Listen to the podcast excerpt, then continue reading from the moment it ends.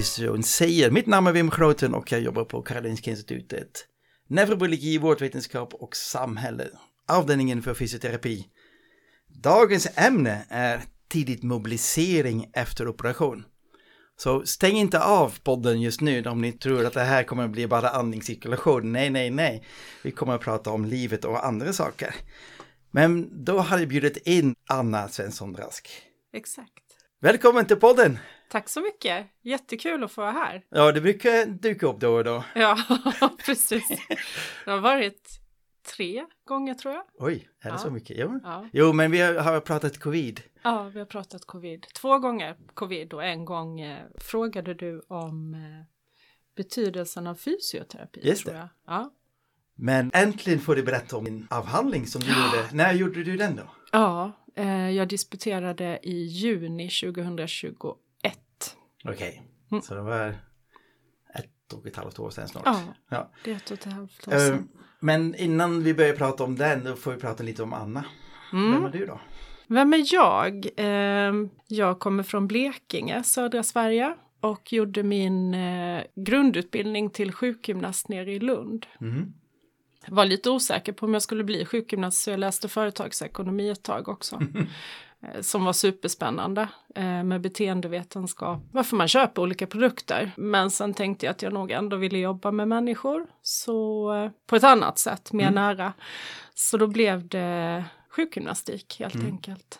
Sen hamnade jag först på ett stroke-rehab Okej, där jag jobbade. Och sen jobbade jag på geriatrisk rehab och sen hamnade jag på Karolinska universitetssjukhuset Mm. i Solna. Och sen så småningom hamnade du inom forskningen också då? Mm. Eh, jag ställde vissa frågor som jag tyckte att jag inte fick svar på och då eh, bestämde jag mig för att ta kontakt med en klok person och fundera på om man kanske kunde undersöka de här frågorna vidare. Ja. För jag läste din avhandling här nu Mm. och eh, den är väldigt klinisk. Och jag uppmanar alla våra lyssnare att förskaffa den. Den finns på ki.se. Mm. Nu söker på avhandlingar. Väldigt lätt läst, tyckte jag. Ja, vad bra. Eh, även om jag inte kan någonting om ämnet. Okej, nej. Så eh, det får hjälpa mig lite grann. Ja, jag ska försöka. Ja, eh, för att jag tänkte fråga då, det handlar om mobilisering efter operationer. Men hur många operationer finns det i Sverige varje dag? Och det, genomför, det beror ju på hur man definierar operationer, eh, men antalet operationer i Sverige per dag, om vi tänker all kirurgi, är ju, vad är det? Det är Socialstyrelsen som skriver 756 000 operationer per år. Av dem är det 405 000 inom slutenvården och eh, ungefär en fjärdedel är bukkirurgi. Det betyder att vi har 150 000 operationer varje år. Ja, det är ganska mycket. Och så, det hade jag inte alls tänkt på. Nej. Och Och- alla de här patienter som får en operation, de går igenom samma proceduren. Mm. Och hur ser den ut då? Ja, det typiska förloppet är att de allra flesta patienter träffar en eh, anestesiolog. Det är ju den pe- personen som söver patienten och så gör man en bedömning av om det finns några risker för sövning och hur man ska hantera smärtlindringen. Och det gör man oftast någon vecka innan eller dagen innan eller samma dag beroende på hur stor kirurgin är, hur omfattande den är. Och sen har man också ofta träffat kirurgen som går igenom hur kirurgin kommer att genomföras. För några år sedan så träffade vi också patienterna och gick igenom hur de ska träna andningsmässigt och vikten av att komma upp så tidigt som möjligt efter kirurgi. Men den interventionen har fallit bort lite grann, i varje fall hos oss på vårt sjukhus. Så fysioterapeuter träffar patienterna efter operation. I de allra flesta fall gör de det. Inom vissa kirurgier så träffar man patienterna innan. Mm. Men inte alltid. Och då är det naturligtvis väldigt bra att de genomgår en operation. Men det är naturligtvis komplikationer som du skriver i din avhandling. Vad är den typiska komplikationen av att vara nedsövd? Och... Ja, den allra största risken eh, för komplikationer det är ju att man får postoperativa pulmonella komplikationer. Och det innebär att man får problem med andningsorganen helt enkelt, att syresätta sig. Delar av lungan faller ihop lungdelarna. Vad kallas det under- för? Fint ord. Ja, det kallas för atelektaser. Mhm, Okej. Och då kan man inte syresätta kroppen Mhm. så som man ska göra normalt. Mm. Och det vill ju vi undvika. Så när vi har gjort ett väldigt bra jobb som fysioterapeuter då, då har ju våra patienter en god syresättning och vi har eliminerat risken för det här. Mm. Ja, vi kommer att höra om detta lite Mm. senare tror jag när du börjar prata om dina kliniska studier. Ja. Vad händer efter operationen? Hur länge är de kvar? Ja, det beror på vad det är för Mm. kirurgi eh, patienten har gått igenom. En del kirurgier genomförs ju under dagen Okej. och det är lite mindre kirurgier medan eh, en del kirurgier då planerar man för att patienten kanske till och med är kvar på det postoperativa avdelningen Okej. till dagen efter. För man behöver lite mer Mm. avancerad övervakning och smärtlindring. Eh, medan eh, de allra flesta kirurgier stannar några timmar på det postoperativa avdelningen och sen går de till sin vårdavdelning, kirurgavdelning. Mm. Och stannar där alltifrån två dagar till fem dagar. Ja. Beroende på hur vårdförloppet ser ut. Bra, då fick vi lite bakgrund Mm. kring det här. Mm. Och så undrar jag naturligtvis vilka forskningsfrågor ställde du då? Vad tyckte du är problematiskt nu med den situationen som vi hade där?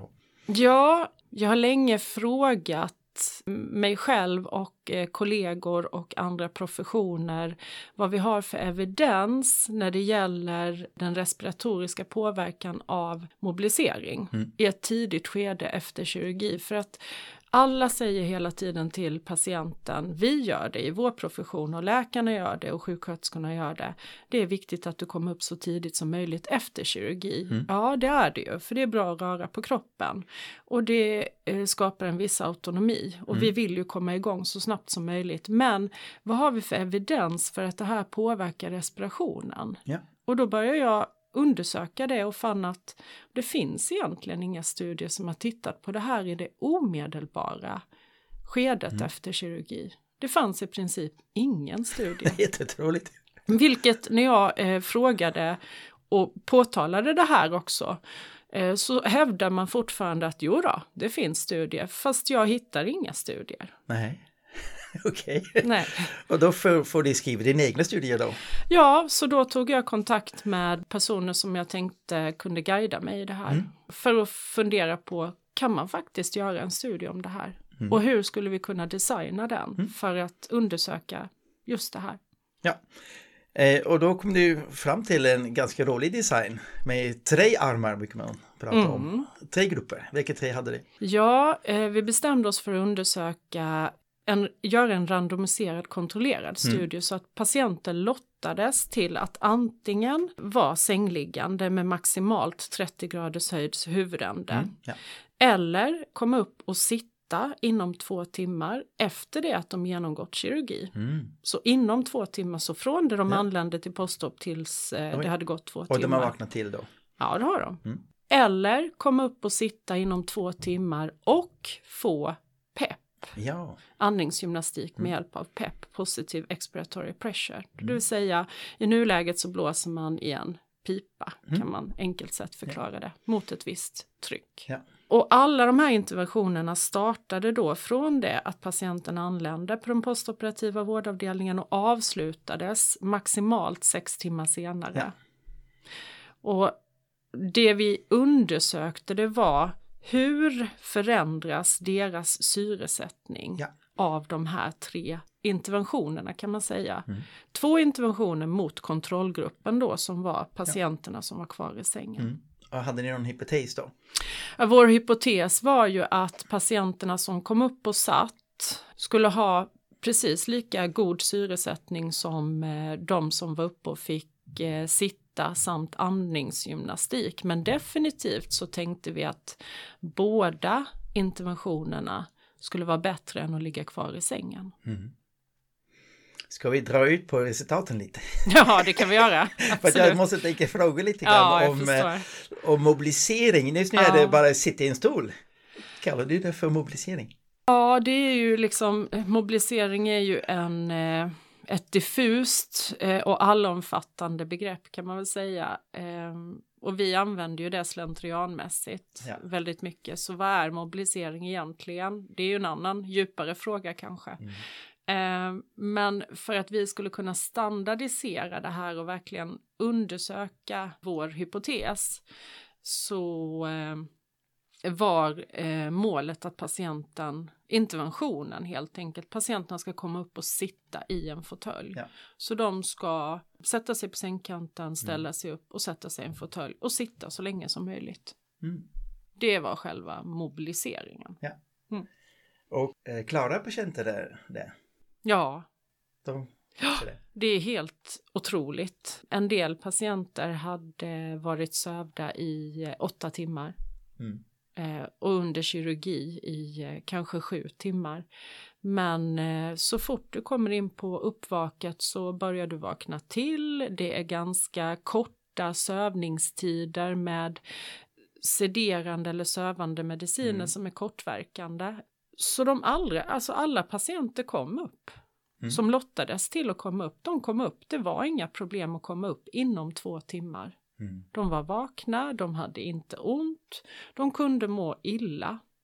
Men det är ju också sånt vi kan parera för illamående. Ja. Bra, men då, då får vi ta resultaten då. Blev det någon skillnad mellan grupperna?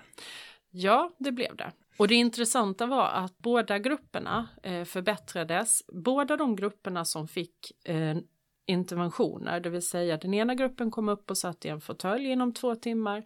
Den andra gruppen kom upp och satt i en fåtölj och fick andningsgymnastik varje timme standardiserat. Båda de grupperna förbättrades i perifer syremättnad och i arteriell syremättnad. Och perifer är SPO2 och arteriell är PO2. Mm. Och det, det förbättrades nästan momentant från det att de kom upp. Ja. Och då mätte ju vi patienterna direkt när de kom till postop.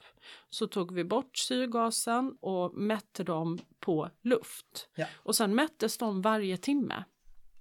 Och det gjorde ju alla grupperna mättes på exakt samma sätt. Ja. Och det vi såg då det var att våra interventionsgrupper jämfört med kontrollgruppen som var kvar i sängen förbättrades signifikant i PO2 och SPO2 jämfört med patienterna som vårdades kvar i sängen. Väldigt intressant. Är jätteintressant, så den momentana effekten av det här, den finns. Så att komma upp och sitta, det ger effekt på syresättningen. Mm. Och då kan man ju fundera på varför. Ja, har du det? Vill du att jag ska gå in på den redan Gär- nu? Gärna, kör på.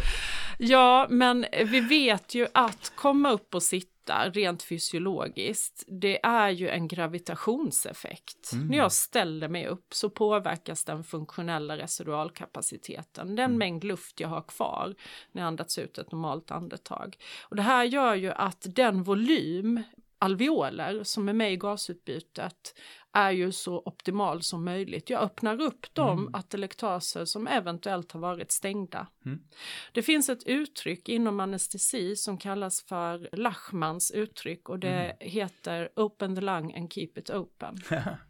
Och det är lite den devisen man kan fundera över. Är det så att desto tidigare vi får upp en patient, desto lättare är det att öppna de delarna av lungan som har varit avstängda under sedering. Mm. För det vet vi att så fort vi söver en patient så sjunker FRC. Ja. På så sätt så betyder ju det att sjunker FRC så får vi också atelektaser, vi får sammanfallen lungvävnad och då har vi ett försämrat gasutbyte, det vill säga en försämrad ventilation, Mm. eh, ett lägre, eh, en lägre syresättning. Jag såg att eh, den åkte ner då från, eh, innan operation var den runt ja, 98 procent. Åkte då direkt efter börjar alla tre grupperna på 92. Så Mm. åker ner med 5 procent. Är det mycket eller lite? Jag har ingen aning.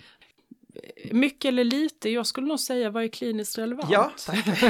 Precis. Kan du ställa på den Ja, exakt.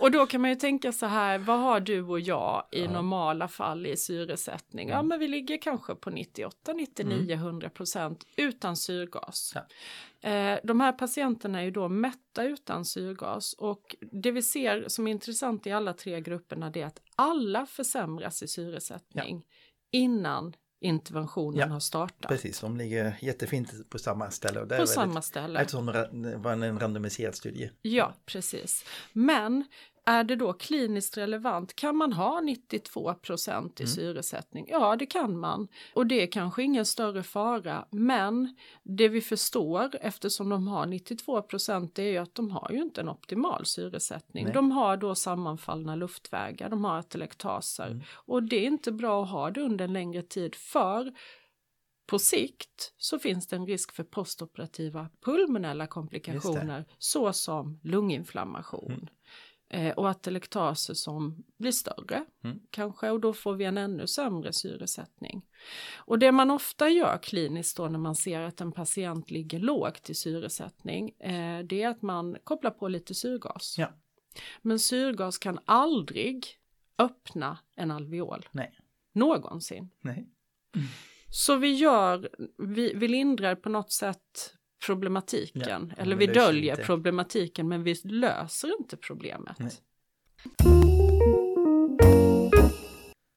Då vill jag gärna titta lite grann på skillnaden mellan interventionsgrupperna då. Jag hade Mm. en som fick andningsövningar och den andra inte, fick inte. Vad, fanns det någon skillnad mellan de två grupperna då? Ja, de höll sig ganska lika när vi mätte Mm. då eh, deras utfall i perifer syresättning, Ja. klämma på fingret, Mm.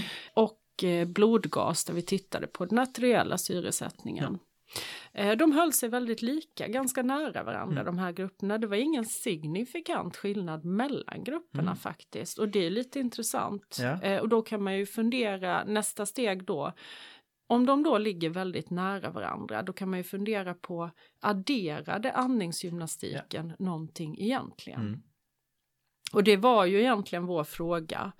Kan vi lika gärna mobilisera, sätta patienterna upp Mm. eh, i det här tidiga skedet? Har vi samma effekt som Ja. att vi ger andningsgymnastik ovanpå det? Ja. Eh, andningsgymnastiken är given standardiserat varje timme. Mm. Men effekten av den är ju kanske bara under den tiden vi ger den. Ja. Medan när vi har en patient i en sittande position så har vi ju hela den här gravitationseffekten, diafragma Mm. kan kontraheras, vi kan fylla våra lungor och vi har en, en, en mer normaliserad FRC Mm. och en möjlighet till att få en god ventilation. Men eh, då tänker jag, vore skönt att haft en PEP-grupp iliggande för att kunna verkligen utröna effekten av Pepp. PEP. Ja, det är ju jättesmart. Skulle ha fyra grupper. Ja, vi skulle haft fyra grupper. Från början var studien designad så att vi skulle haft eh, faktiskt eh, fyra grupper. Mm. Vi skulle haft en kontroll mot mobilisering och en kontroll mot PEP. Ja. Mm. Men eh, Det hade blivit för Ja, omfattande. just nu hade redan 200, hur många hade i 214. 214 personer Mm, med mm. allt jobb runt omkring och Mm. fånga dem och Mm. mäta dem och Mm. fråga. Helt otroligt vilket jobb du har lagt. Ja, det var ju inte ett dagsjobb kan man Nej, säga. fyra år kämpandet. Ja. Hur länge höll du på? Jag höll på i fyra år men den här själva studien, interventionen var ganska kort egentligen. Vi lyckades inkludera patienter väldigt snabbt Mm. men eh, kirurgier börjar ju kanske klockan åtta på morgonen och de stora kirurgierna börjar ibland lite senare. Mm. Så att eh, jag var ju hemma runt tio på kvällen. Ja. Så det var inget dagsarbete. Nej, det kan man säga. Jag såg ett litet roligt resultat Ja. som jag i, som eh, eh, jag vet inte, du kanske försökte gömma den i, i din avhandling eller kanske hann inte med allting. Jag såg att, eh, precis som ni sa, att eh, interventionsgrupperna gick jättenära varandra hela Ja. tiden, ett, två och tre timmar efter Mm. operation. Men sen på timme nummer fyra Ja. åkte mobiliseringsgruppen ner fast PEP-gruppen är kvar där uppe. Ja. Vad, Eh, vad, vad är det för? Ja, precis. Och det är ju intressant. Och, och eh, jag kommer inte ihåg, vi resonerade ju eh, runt det här under eh, disputationen. Mm. Dels så är det ju individuella eh, förändringar såklart, men det man ska komma ihåg det är att tiden på postop, den kunde inte vi kontrollera för. Nej. Vi kunde inte säga alla patienter Nej, måste vara klar i sex sex timmar. timmar. Eh, för det, den logistiken kan inte vi styra över. Nej.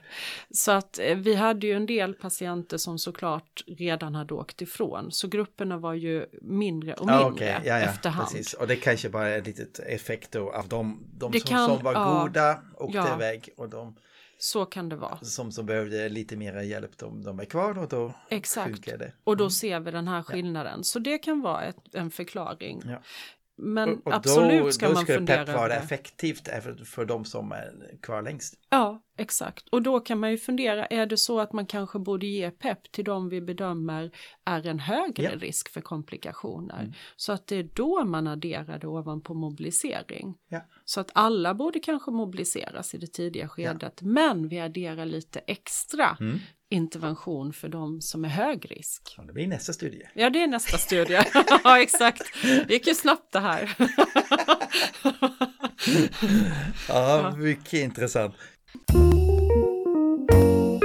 Två stycken studier kring det. Den ena handlar om eh, effekterna som vi pratar om nu. Mm, Den, eh, mm. den andra studien eh, handlar om tiden när man ska sätta in mobiliseringen. Ja, vi var ju intresserade av att ta reda på, spelar det någon roll om patienten har kommit upp inom den första timmen eh, från det de anlände till postop eller inom den andra timmen från det de anlände till postop. Och det är ju ett väldigt kort intervall. Ja. Eh, och vi hade kanske inte jättemånga patienter. Det, studien var ju inte designad för att göra en sån här Nej. beräkning egentligen, så det ska man ju tänka på.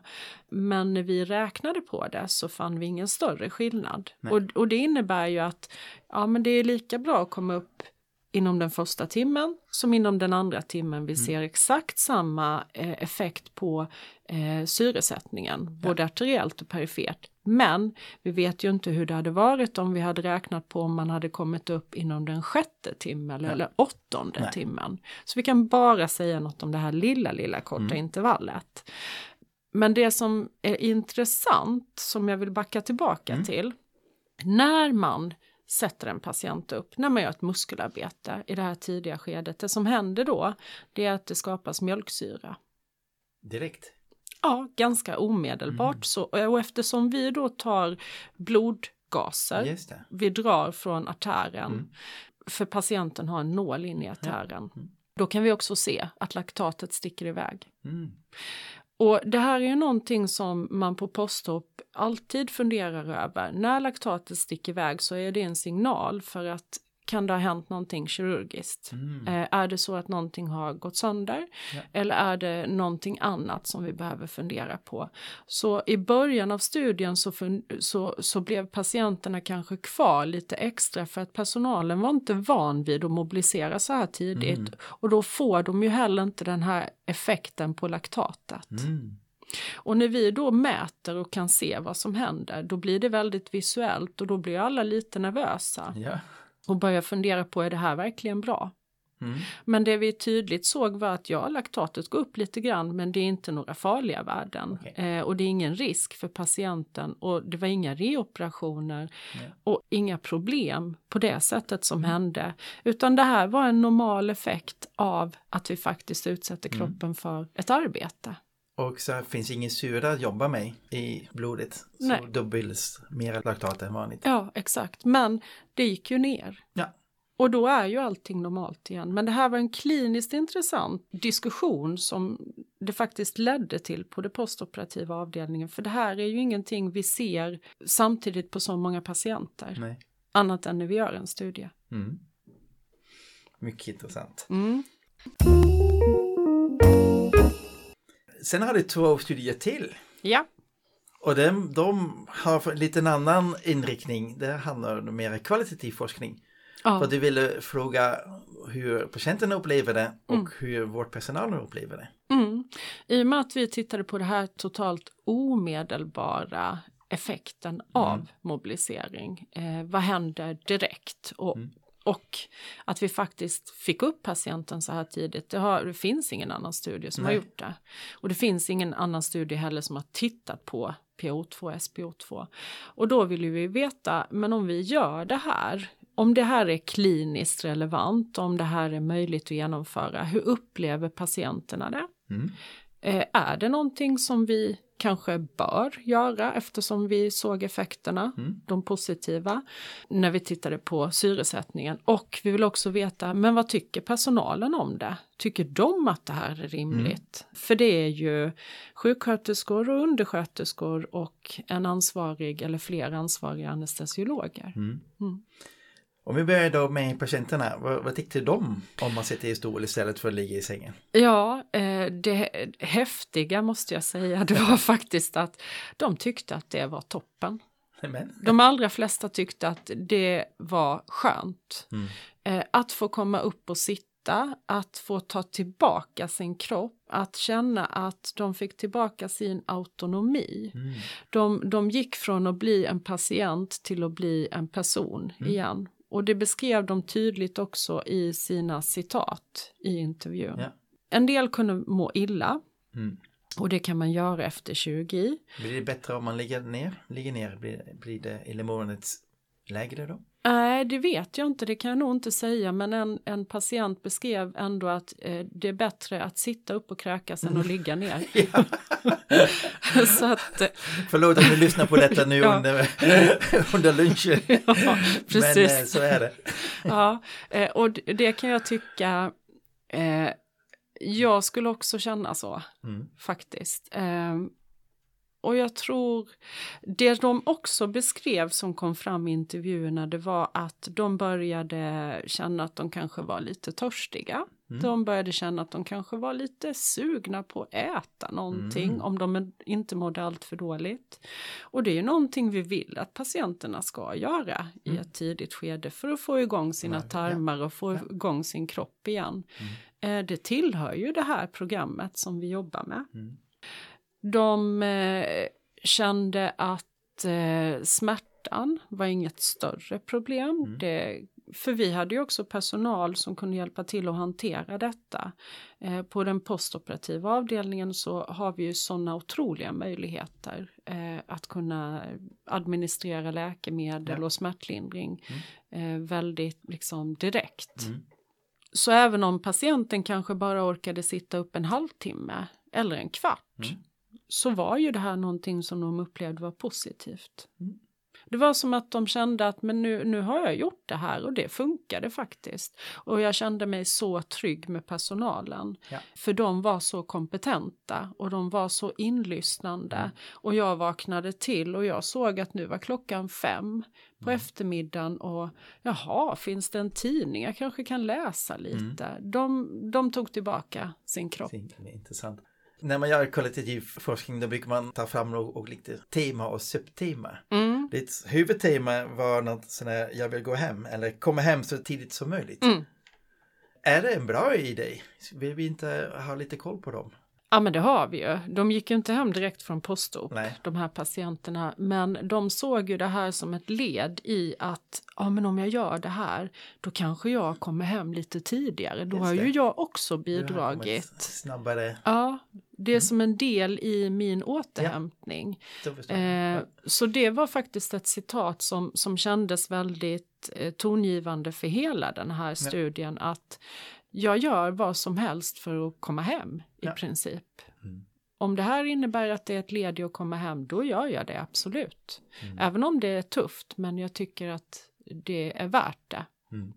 Fantastiskt. Ja, det var häftigt faktiskt. Mm. Men sen är det naturligtvis när ni började prata med vårdpersonalen, för att det är helt nytt att sätta upp dem så Mm. tidigt. De var säkert lite skraja för det där, men såret Mm. går upp och alla möjliga komplikationer eller vad? Mm. Och så har jag pratat med dem och sen fick ni fram nya resultat. Vårdpersonalen var som sagt lite nervös innan för hur ska det här gå? Och det var ju såklart patienterna också. Eh, Men pa- patienterna, om vi backar tillbaka till Mm. det, de förlitar ju sig på oss. Ja. Och, och vet vi att men kirurgen har sagt att det här är okej, du får komma upp och, och, och vi vet att det finns en hållfasthet och ingenting kommer gå sönder. Mm. Då är ju det Ja. det vi ska göra. Vi ska vårda patienten på bästa sätt Mm.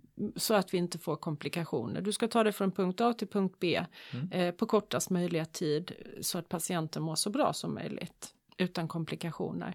Men ändå var det så att vårdpersonalen kände en viss tveksamhet Mm. inför att göra detta för att som sagt, det här var inte gjort tidigare. Och definitivt inte i en studie. Det är klart att vi hade tagit upp patienter så här tidigt förut, men då var det kanske på en direkt diskussion eller ordination ja. för att det var en högriskpatient. Mm. Den här patienten har kanske en ökad risk för att få postoperativa pulmonella komplikationer. Mm. Vi måste ta upp den så snabbt som möjligt. Ja. Så var ju diskussionen. Mm. Och då var alla med på det. Men ja. när vi skulle göra en studie så kom ju en nervositet helt plötsligt. Ja. Intressant. Jätteintressant. Jag, jag tror att det inte gäller bara ditt område, men Nej. det här är verkligen för mm. vi har aldrig gjort så här. Kan Nej. vi göra så? Kan vi verkligen göra detta Aha. och vad kommer det innebära? Så det var ganska mycket eh, funderingar kring det eh, mm. runt eh, för från personalens håll. Mm. Och en del kanske tyckte att eh, är det inte bättre att de får vila lite? Mm. De har ju ändå genomgått en kirurgi. Ja, kan man inte bara få ta det lite lugnt? lite lugnt? Ja, precis. Ja, det kan man tänka, mm. absolut. Men vi ska också undersöka om det här är effektivt. Ja. Ja. Tänk om det hade varit bättre att patienten låg kvar i sängen. Ja, då hade vi fått det svaret ja. på syresättningen. Mm. Nu fick vi ett annat svar, mm. det vi trodde, det vill säga att det är bättre att komma upp. Ja, ja då är det kanske så vi ska jobba. Mm. Sen kan man ju fundera på, ska man komma upp inom två timmar eller hade det varit lika bra att vänta till mm. inom fyra timmar? Men nu var det detta vi mätte. Mm. Jag såg att eh, vårdpersonalens huvudtema döpte du till Changed Mindset. Mm. Det ser man på svenska, ändrat tankesätt. Ja, ja de, de ändrade sig lite som vi pratade mm. om, att de gick ifrån att vara lite skeptiska, lite fundersamma och tveksamma till att nej men det här var ju jättebra. Mm. Eh, det här var ju faktiskt bra för patienterna för att när de såg effekten på syresättningen, mm. när de såg att de kunde ta bort syrgas eller dra ner syrgas, mm. de såg att patienten fick inte mer ont. Mm. Eh, de såg att visst, det fanns ett illamående men det var nog ingen större skillnad mot hur illamåendet Nej. är i vanliga fall. De såg att patienterna svimmade liksom inte av konstant hela Nej. tiden. Mm. De hanterade det och de vaknade till och blev mer autonoma. Precis. Och kanske inte behövde, visst man behövde kontrollera när patienten satt i stolen, mm. men det behövde du göra när den ja. var i sängen också. Mm. Det är klart enklare att vårda någon som ligger i en säng för den kan ju inte ramla ur sängen, grindarna är uppe. men, men då kanske den inte syresätter sig för att den sover mm. så då tjuter larmet hela tiden. Ja, ja. ja, Så här har du en patient som rör på sig mm. och som håller igång sin cirkulation mm. och som har en syresättning som är bra. Mm. Ja, då behöver du mindre övervakning av den anledningen. Men den sitter uppe så du måste ha koll på den. Mm. Så visst, det är ett eh, change of mindset eh, här. Men personalen tyckte att det här eh, fungerade. Mm. Mm. Varför för eh, personal intervjuade du då? Var det sköterskor eller mm. läkare? Eller? Vi tillfrågade anestesiologer och vi tillfrågade sjuk sjuksköterskor och eh, undersköterskor. Mm. Inga anestesiologer trots flera förfrågningar kände att de kunde ställa upp eller ville ställa mm. upp för de tyckte inte att de hade något att säga men det tyckte vi. eh, för de var ju ändå involverade men så är det. Medan eh, sjuksköterskor och undersköterskor och sjukgymnaster intervjuades. Mm. Mm. Jag tänkte mm. fråga nu, vad är nästa steg här nu? Just nu, jag hade ju önskat innan jag gjorde denna studien att det hade funnits en kartläggande studie mm. där man hade sett hur tidigt kommer faktiskt patienter upp. Mm. Då hade jag ju haft någonting att jämföra med. Ja. Så här ser det ut mm. i Sverige ja. eller i världen. Finns ingen. Nej. Men nu finns det. För nu har vi gjort en kartläggande studie. Okay. Så vi har gjort en eh, nationell multicenter Oj. där vi har eh, under fem veckors period kartlagt hur tidigt kommer patienter upp som genomgår mm. buk och thoraxkirurgi. Det är bra. Så den kommer du att skriva ner nu? Den håller vi på att skriva mm, och det kommer att mynna ut i ganska många delstudier. Oj, fantastiskt. Mm. Och då har vi också tittat på vad får de för typ av andningsgymnastik. Ja. Så det är ren bara, inga interventioner utan en ob- ja. vi, vi, har bara tittat på ja. hur ser det ut på nationell basis. Jag eh, tänkte andningsgymnastik har vi inte riktigt pratat om. Ni pratar om pepp. Ja. Men det finns säkert andra saker. Mm. Eh, man kan ju jobba med vanlig djupandning men då höjer man ju inte FRC till exempel. Man kan jobba med sluten läppandning. Ja. Då har vi ju som en peppeffekt av det att vi höjer FRC för det är ju det vi vill normalisera efter Ja. 20 för det är det vi vet har sjunkit. Man kan också jobba med incentive spirometer som man gör väldigt mycket utomlands. Eh, Och då jobbar man med ett litet motstånd på inandningen för att öka inandningsdjupet. Okej. Då jobbar man ju inte heller med FRC-normaliseringen men man tänker att man genom att dra lite djupare andetag eh, fyller upp sina lungor. Men du skapar ju inte, du skapar en volym men du skapar ju inte ett tryck. Mm. Kan vi med den här lilla interventionen som egentligen inte, den kostar ju ingenting annat än humankapital, personal. Mm. Det är ingenting som är komplicerat att genomföra eh, utan det handlar om att låta patienten också få hjälpa till och få stöd. Mm. Kan vi göra det så kanske det är så att vi borde skifta lite hur vi jobbar. Vi kanske borde jobba på postop. Vi borde kanske jobba när patienten kommer ut. Vi borde kanske screena patienter som är i hög risk och sätta in en sån här intervention i ett tidigt skede. Mm.